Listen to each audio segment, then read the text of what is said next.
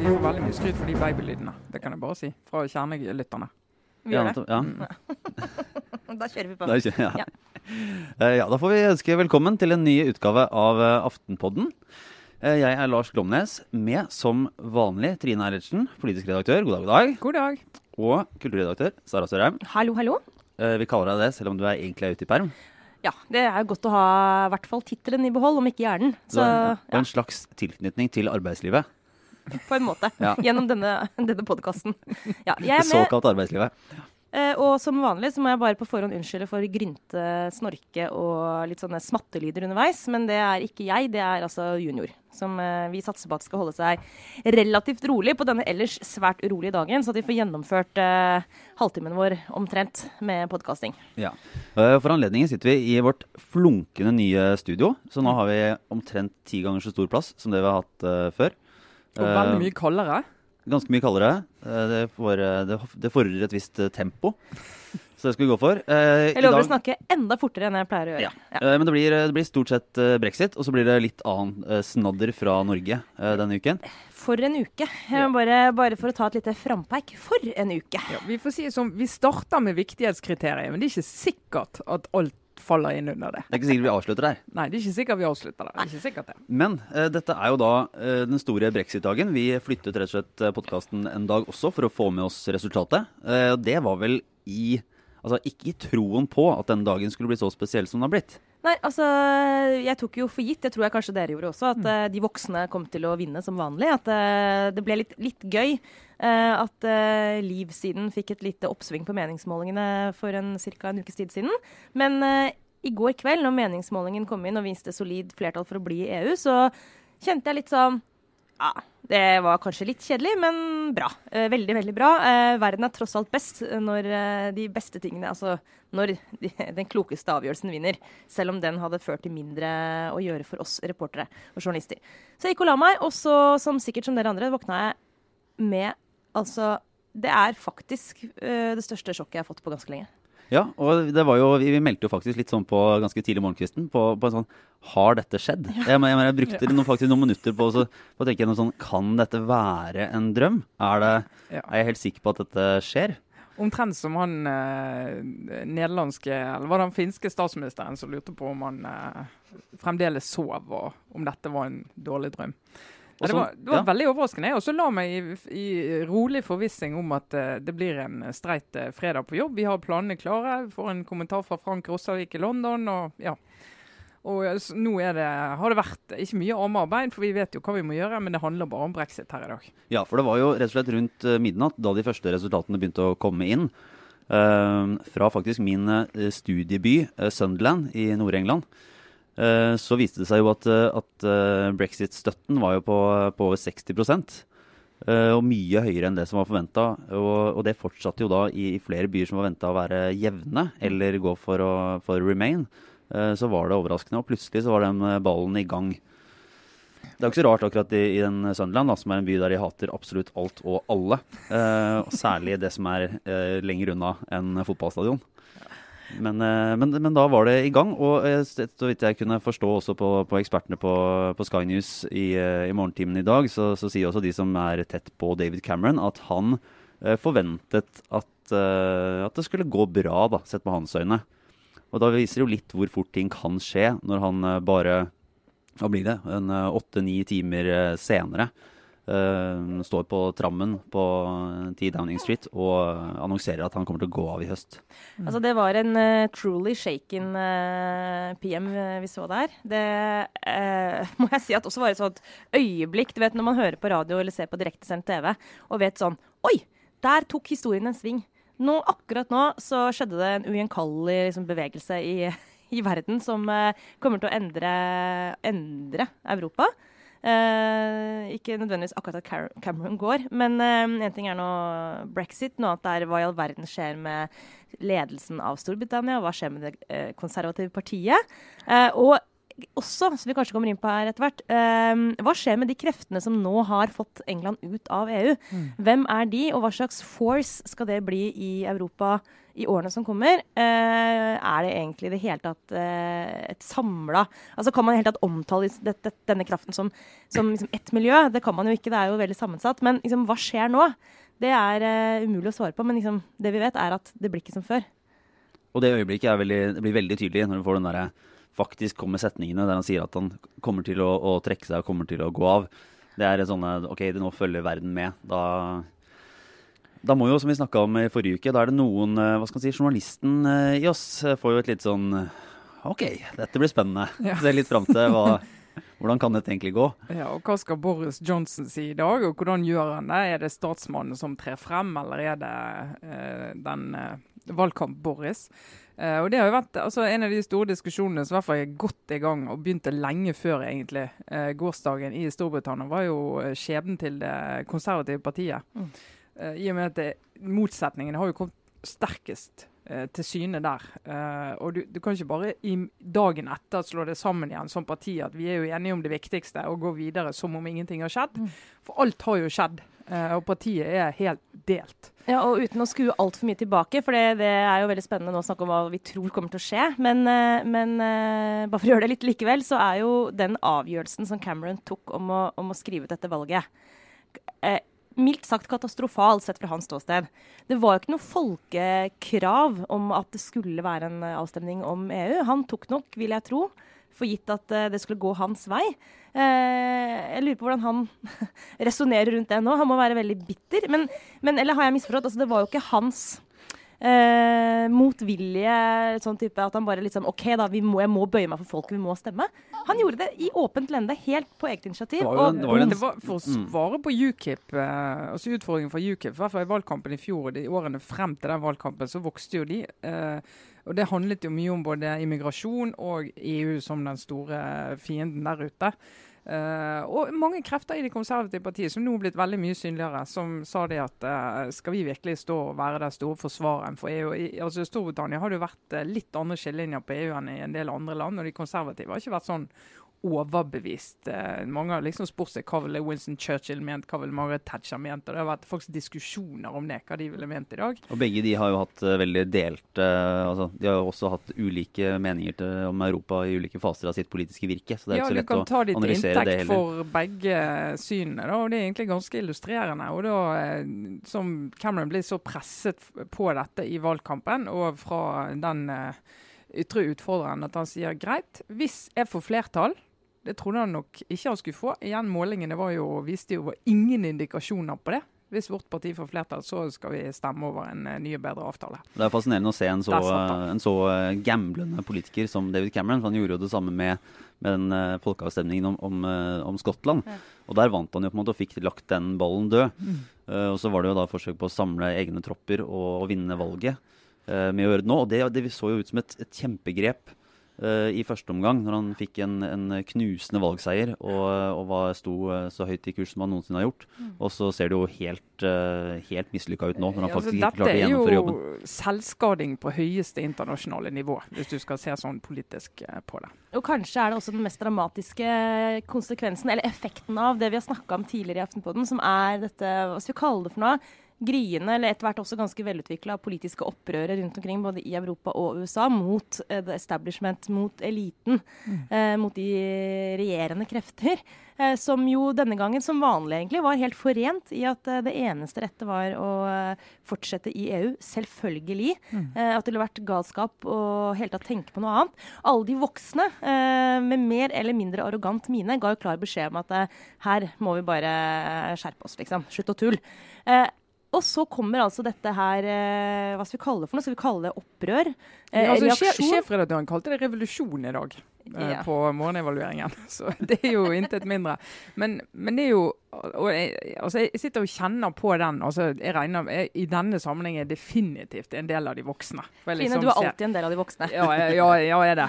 Men altså, må, her må man ta, må ta til fornuft. Liksom se, altså, jeg tror ikke på at det er mulig å løse problemstillinger som klima, som de store folkeforflytningene, migrasjon, eller det som skjer innenfor arbeidslivet som følge av globalisering. og eh, altså, at folk flytter over eh, landegrensene og, og, alt det vi ser knyttet til det, som enkeltstater. Det er helt utenkelig å se for seg. I mitt hode er det det. Du er nødt til å samarbeide internasjonalt, og du må samarbeide ganske tett, sannsynligvis tettere enn det vi gjør nå.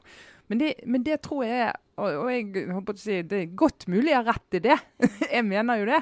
Uh, men hvis du går eh, ned og ser det på, fra et mer sånn enkeltindividståsted, og hvis du er den arbeidsledige rørleggeren i Manchester i England som ser at uh, jobben din prises ut og forsvinner ut, for det eh, kommer masse østeuropeere som jobber der.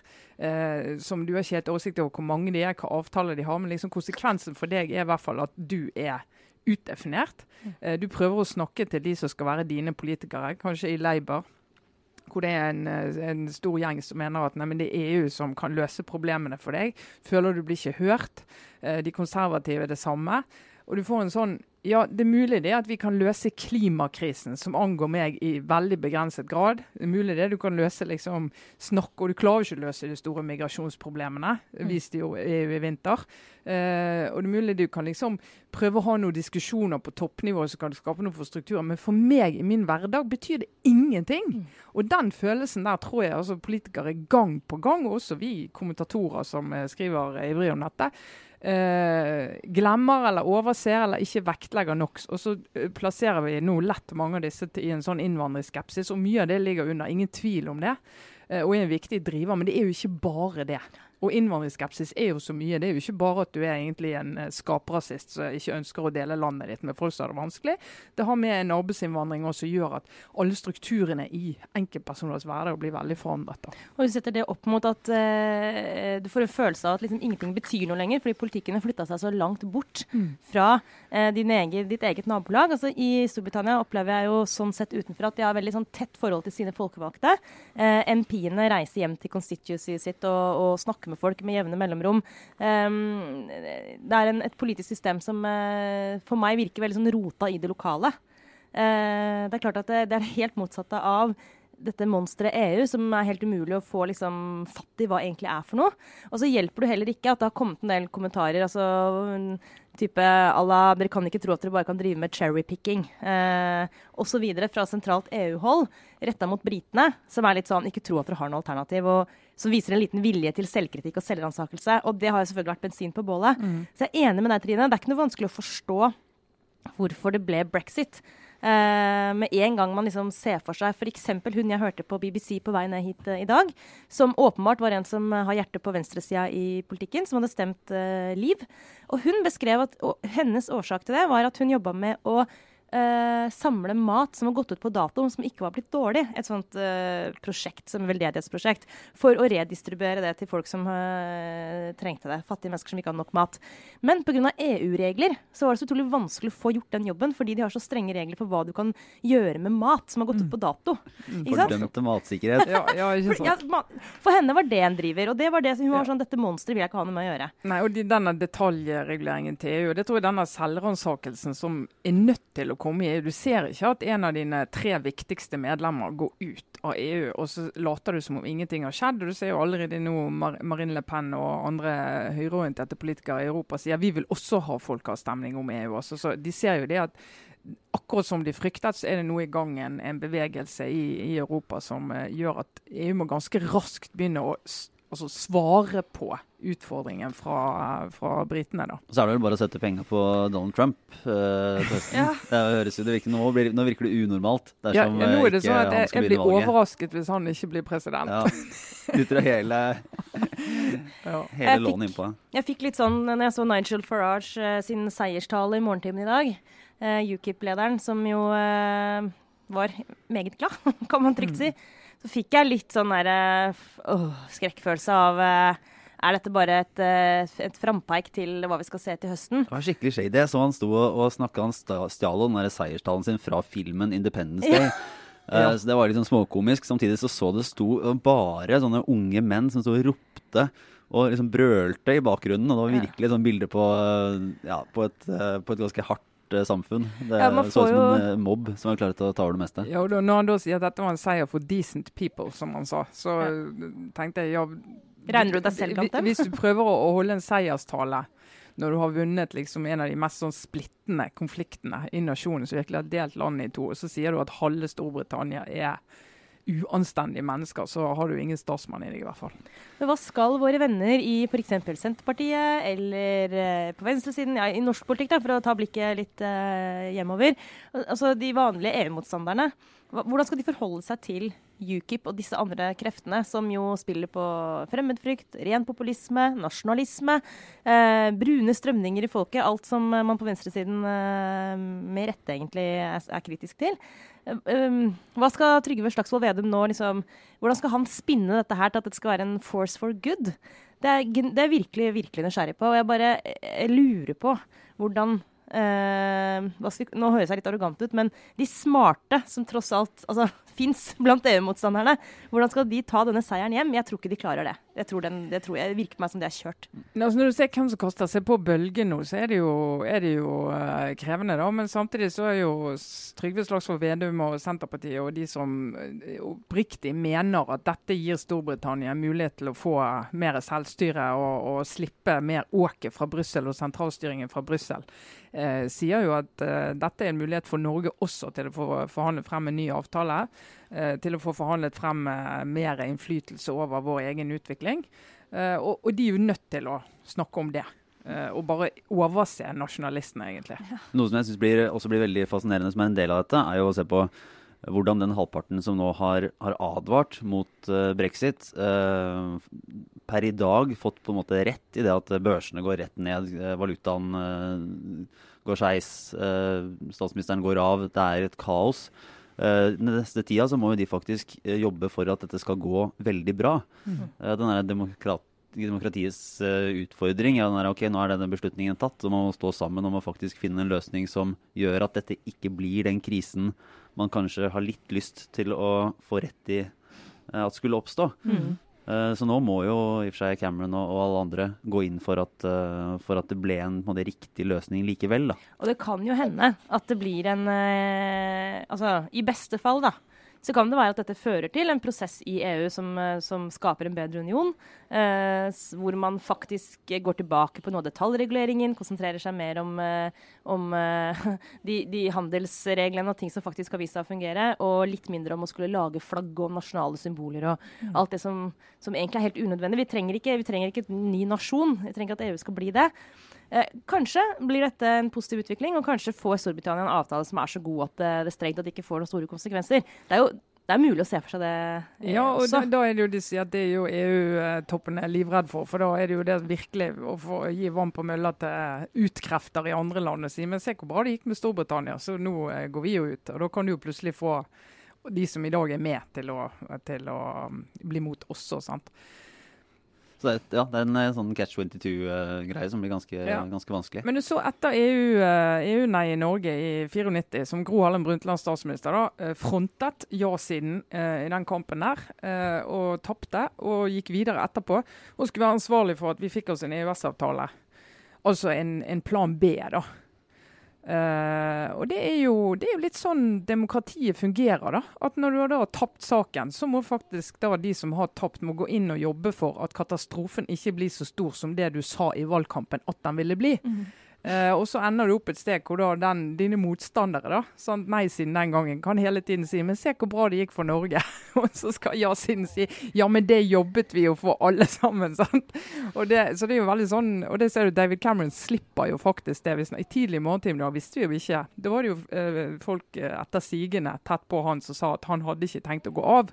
Og han skulle lede forhandlingene med en ny, ny avtale med EU. tenkte jeg, veldig tung jobb å gjøre. Å gå inn og lede ut forhandlingene med EU når du er i den posisjonen han er. Men eh, Og så er det jo spennende å se nå, da, fordi eh, den, eh, det store spørsmålet har jo vært om man skulle igangsette denne altså, punkt 50 denne Lisboa-traktaten. Artikkel 50. Artikkel 50. Ja. eh, som, som innebærer at du egentlig setter i gang en sånn nedtellingsklokke på to år, der man skal ha forhandlet ferdig. Uh, og David Cameron hadde jo sagt hadde i og for seg sagt at han ikke skulle gi seg uansett uh, hva som skjedde, men han sa også at uh, hvis det blir et, blir et ja til å, å, gå ut av EU, så skulle man igangsette denne prosessen med en gang. Nå har han sagt at den, det er opp til den neste statsministeren mm. å ta akkurat den beslutningen. Så det ja. innebærer jo nå, nå, får man noen måneders utsettelse og, og litt mer tid enn det man i utgangspunktet hadde, hadde, sett eh, at det skulle være. Men altså, da kan det bety at i oktober så ser vi Donald Trump shake hands med den nye statsministeren i Storbritannia, som heter Boris Johnson.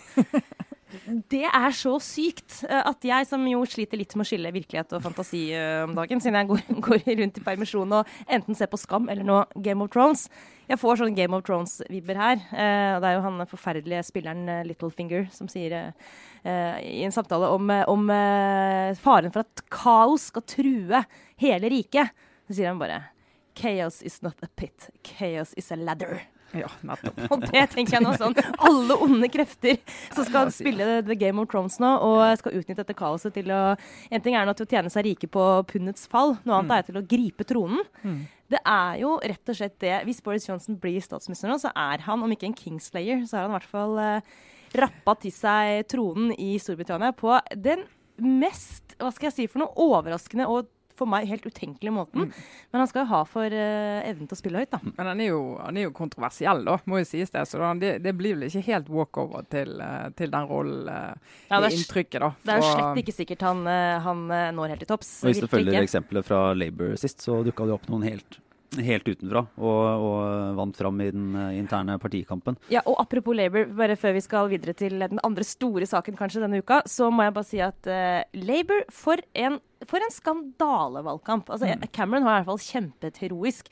Han har uh, spilt høyt, ja. Han har tapt, ja. Men han har jo på en måte tapt med verdighet. Mm. Men din forakt for Leiber er sunket til nye dybder, uh, aner jeg her. Uh. Altså, nå er det nesten at jeg ikke orker å uttale navnet på partilederen engang. Altså, snakk om altså Én ting er nå hvis han i det stille egentlig er mot EU. Så si det, da! Så ha baller til å si det. Herregud, liksom. Si det. gå av om du føler at du må det, men si det. Uh, I stedet for å liksom tusle litt sånn rundt i en altfor stor dress og stirre litt ned i bakken. Snakke ut gjennom munnviken. sant? Ja. Ja. Så Nick Cohen har, eh, har, plassert eh, skapet allerede tidlig i dag, Sara, så du får gå inn der og Jeg har ikke rukket å lese Nick Cohen ennå, men jeg skal gjøre det som en katarsis eh, etterpå. bare for å få utløp for min ekstreme irritasjon. Vet du hva, Det er så utrolig puslete. Og det også ah, Nå merker jeg at jeg fyrer meg opp her, men det er også noe med arbeiderbevegelsen som jo tross alt, uansett hvor man står i politikken, har, man må anerkjenne at har en stolt historie av ganske rakrygga ledere. Ja, det vil ikke mange si om Tony Blair, kanskje. Men uansett, da, det er noe med kraften i den bevegelsen som bare ikke kler en sånn puslete, feig holdning som de har vist i, i valgkampen her. Nei, fy fader ulland. Ah! Det er veldig bra. det, det som, men eh, det vi tenkte vi skulle gå videre til, er, er liksom det som lever litt i skyggen av sånne store hendelser. For det har, det har, skjedd ting i norsk politikk også. Uh, men på dager som denne så uh, blir det bare helt borte. Uh, så jeg vet, jeg har en anelse av at Tord Lien har kommet med en kontroversiell plan om å utsette CO2-rensing. Ja. Og Heikki Holmås og andre i SV er bestyrtet og forbanna. Og det kommer de til å være. Det kommer ingen til å få med seg i dag, hvis vi får kommer komme tilbake til det. Ja, så har det, jo, så har det kommet en, ny sykehus altså, Oslo. En ny sykehusstruktur i Oslo. har regjeringen bestemt seg for. Å rive Ullevål sykehus og bygge nytt på Gaustad. Det er også en kranglesak som eh, det kunne vært god stemning om i dag hvis vi hadde hatt kapasitet til å gå inn i det. Og så renner igjennom. og så er det jo denne lunsjkrangelen mellom Sylvi Listhaug og Erna Solberg. En veldig god sak fra, veldig god sak fra VG. Vår kollega i VG, ja. Eh, Konkurrenter, unnskyld. Ja, ja. Den...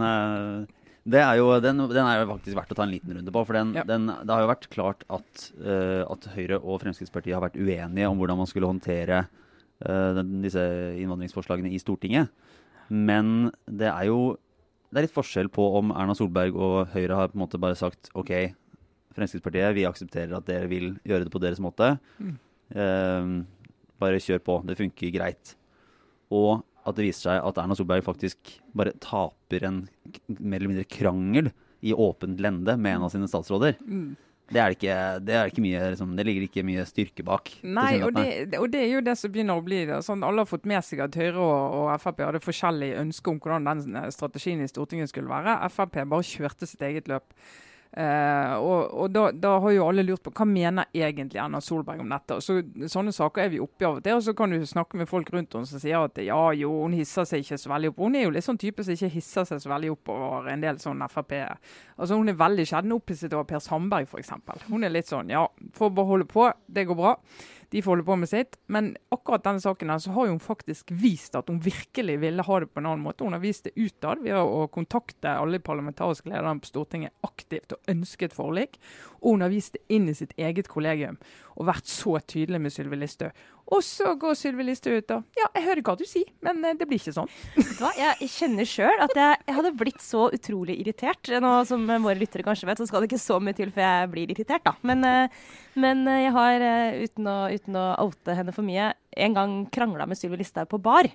Ikke sånn alvorlig krangel, hun har sikkert glemt det. Men, eh, men jeg kjente at det, der var hun var lett å bli ganske irritert på.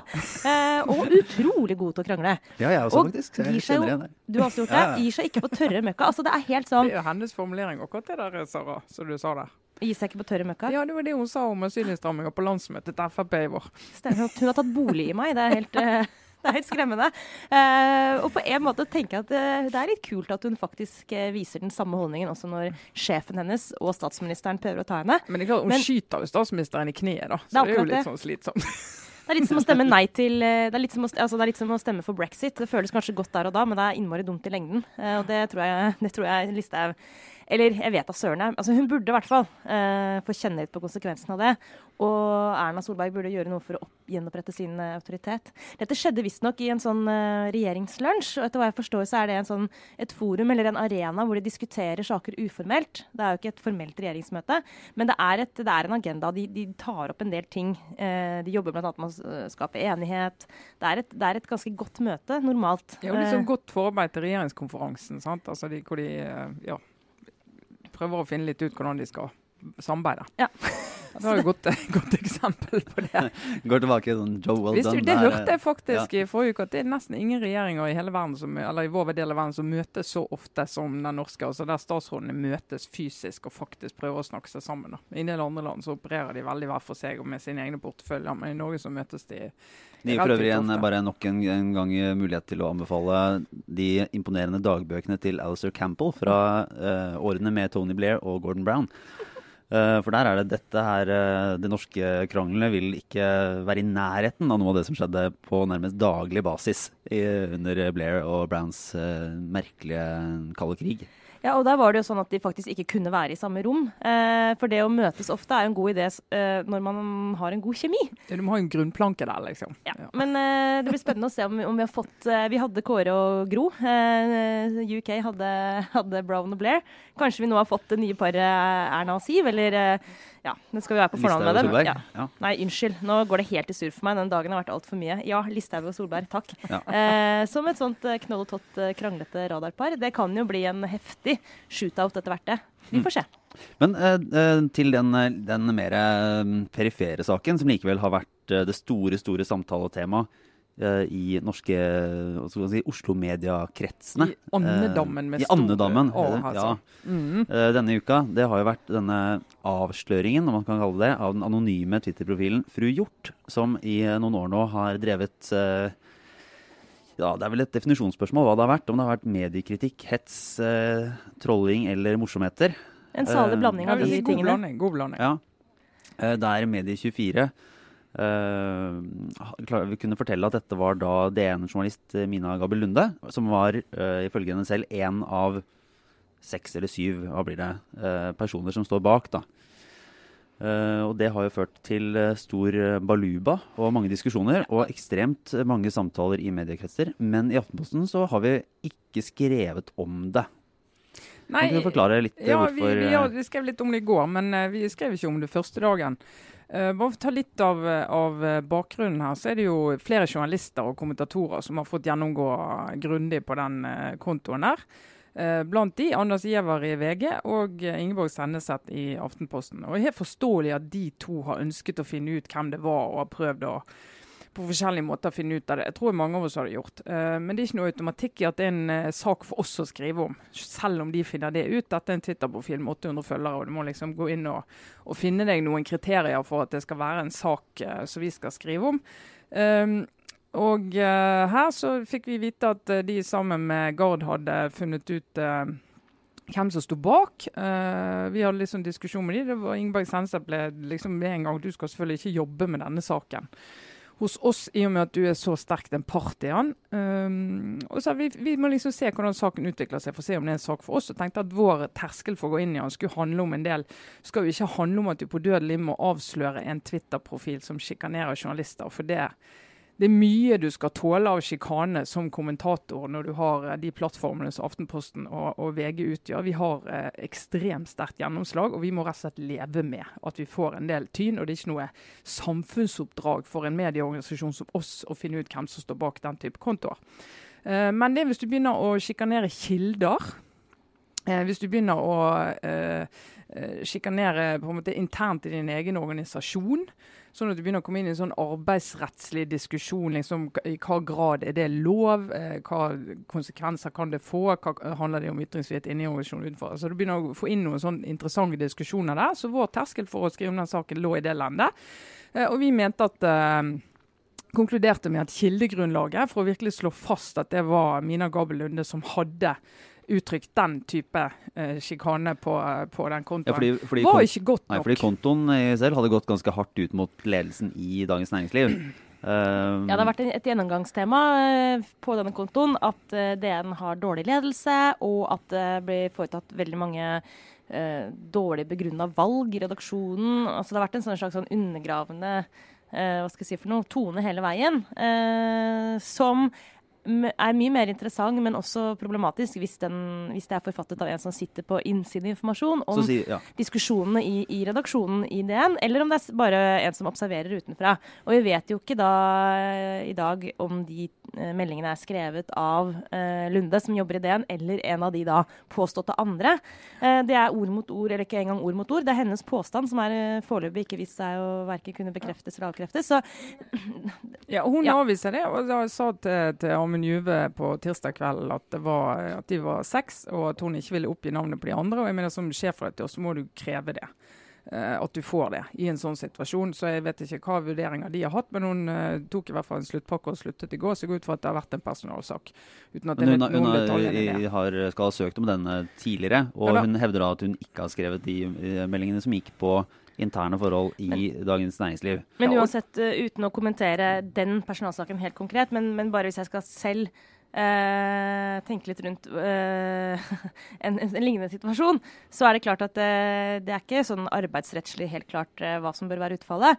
Men jeg tror nok både av, av sjefer og medarbeidere ser at dette er uansett et tillitsbrudd, og helt tatt være involvert i, i denne kontoen. da. Ja, da det, det, sånn er et tillitsbrudd. Det, men, ja. men, det, spørsmålet fra vår side er at sånn, det finnes jo mange små og store saker på det nivået der, og når skal vi skrive om det? Og nå skal vi si at dette er en viktig sak for Aftenposten? og liksom, altså Så VG hadde han på plass nummer to på VG.no på onsdag, og signaliserer med det at det er en meget viktig sak.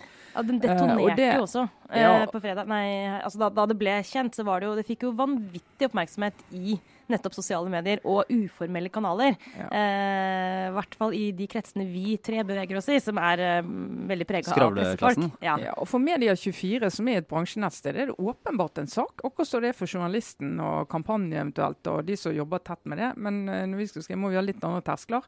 Uh, og jeg, er litt uh, komfortabel med at vi ikke skrev det. Og det andre er altså en journalist, en kommentator i VG. Hvis du kan sette et søkelyset på og sett fra utsiden, da, så i verste fall for oss så kan det se ut som om VG og Aftenposten første gang i historien de samarbeider om et journalistisk prosjekt. Så er det med utgangspunkt i at to av uh, våre kommentatorer er blitt sjikanert i sosiale medier og et forsøk på å avsløre det. Det er, ikke, det er ikke nøyaktig det som har skjedd, men det kan se sånn ut. Uh, og Det er også en grunn til at vi skal være litt sånn ekstra varsom, fordi vi er så, vil oppfattes som en part i saken. Så vi kan uh, være vi må være nøye med når vi går inn og skriver om det. Vi har registrert at hun slutter i DN, og hvorfor, uh, men vi har ikke gjort mer ut av det. enn det. Jeg er enig i den beslutningen. Jeg, jeg støtter den. At vi dekka det på den måten vi har gjort det. Dvs. Si nesten ikke. men jeg er nok også veldig overbevist om at uh, dette er en sak. Så det det handler om her, er forskjellen på media som presenterer det, uh, og at det er forskjell på et bransjenettsted og, og en riksdekkende uh, avis. Um, fordi eh, en viktig oppgave for pressen er også å granske pressen. Og det er som kjent ganske vanskelig å granske seg selv. Vi er kjempedårlige til det. Eh, vi burde på en eller annen måte vært mye, mye skarpere mot våre egne kollegaer. Jeg tror også det er dessverre sånn at det er vanskelig å kritisere andre pressefolk her i dette landet. Jeg tror det er sånn at eh, det er forbundet med ganske stor risiko å legge seg ut med noen av de skarpeste pennene og stemmene i, i norske medier. Eh, så sånn sett mener jeg dette også er en interessant diskusjon. Eh, hvorfor trengte hun å være anonym? Mm. Eh, skyldes det liksom, disse tingene? Eh, på den annen side så er altså denne eh, journalisten i DN hun har så mange muligheter til å si akkurat hva hun mener under fullt navn. Og jeg mener det er ekstra kritikkverdig at en journalist med en mikrofon velger anonymitet. Eh, det, det, mener jeg det står det ikke respekt av. Og det er også noe vi, av alle som veldig ofte ellers eh, er tilhengere av å få informasjon ut i åpent lende, når vi har liksom noe å, å, komme med som vi ikke syns er så kult å, å, på en måte stå for, så velger man å gjøre det anonymt. Det mener jeg det er virkelig grunn til å, mm. å kritisere. Ja. Så det er mange sider ved denne saken her, altså. Men det var, det var Andedam-nytt ja. for uh, denne uken. kvakk. Det er kvakk, ja. Uh, for ha, da, vi har holdt på på det lenge og vel. Det, var, det er mye her. Uh, men vi har litt obligatorisk refleksjon som på, på tampen, som, som lille spalte. Ja, altså, Sara Sørheim, har du lyst til å begynne? Ja, Nå har jo mye av det jeg har vært mest opptatt av denne uka her, faktisk også vært eh, de tingene vi allerede har snakket om. Eh, så eh, jeg må på en måte nå faktisk gripe litt inn i deler av mitt liv som jeg ellers kanskje ikke deler så ofte her på Aftenpodden. Eh, nemlig når mine følelser blir sånn satt eh, ordentlig i sving. På en uironisk og litt sånn genuin måte. måte. Men eh, nå får skylde på kanskje at jeg er i en slags barselfase. Men jeg skal faktisk denne uka trekke frem det diktet som ble fremført i Nidarosdomen i går. Ja. Eh, hyllestdiktet til kongen og dronningen vår, som jo feira 25-års eh, hva kalles det, jubileum som eh, sjefer i Norge. Ja. Eh, dette sier jeg jo da i full forvissning om at eh, det fins vel ingen monarkister omtrent blant våre lyttere. Jo, hvis Torbjørn Røe Isaksen hører på, så Jo da, de gjør det. De, de gjør det. Ok, For her kommer det. Vi har lyttere eh, på Slottet òg, kan jeg melde. Ja, vet du hva? Det er godt å tenke på akkurat nå, når jeg er i ferd med å stikke hodet så forferdelig frem og legge det på, på hoggestabben. Men altså, det diktet som eh, Eivind Skeie, og jeg tror hans sønn, eh, har skrevet, som ble fremført av en eh, dame og en ung gutt i Nidarosdomen i går til kongen og dronningen, det var så flott.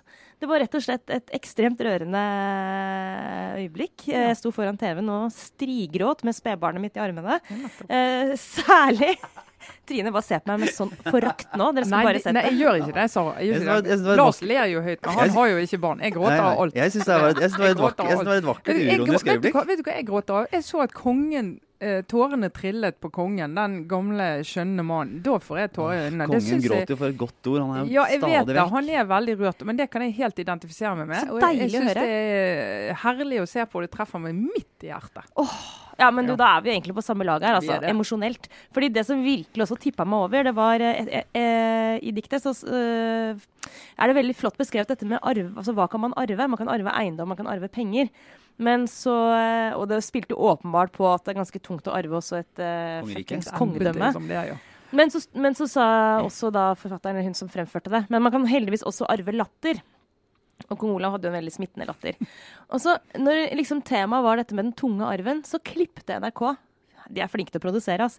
De klippte da til Mette-Marit og Ingrid Alexandra.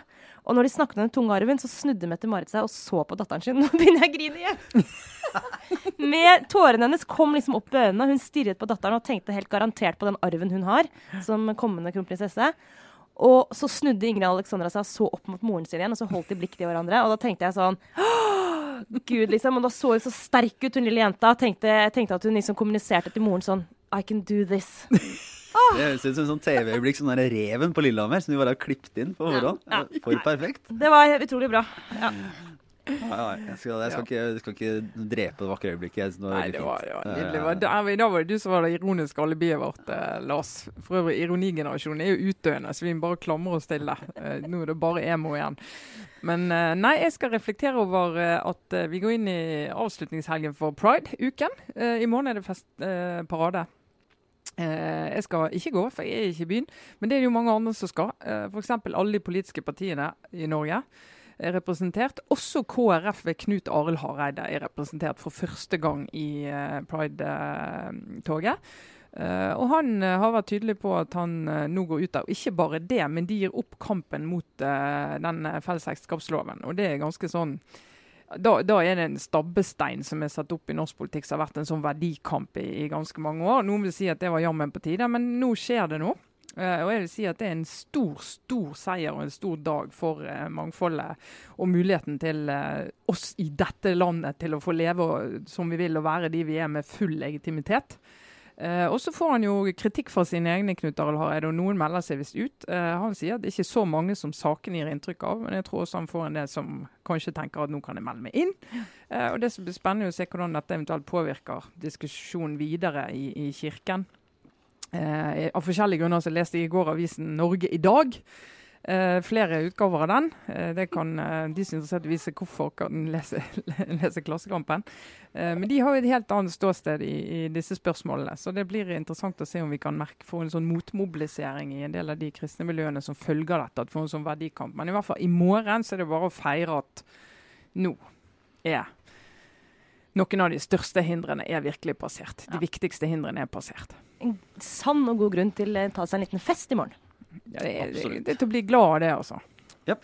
Min, eh, jeg må eh, kanskje erkjenne en, eh, en, liten feil. Jeg, vært, jeg er jo EM-følger av dimensjoner og syns det er helt fantastisk morsomt.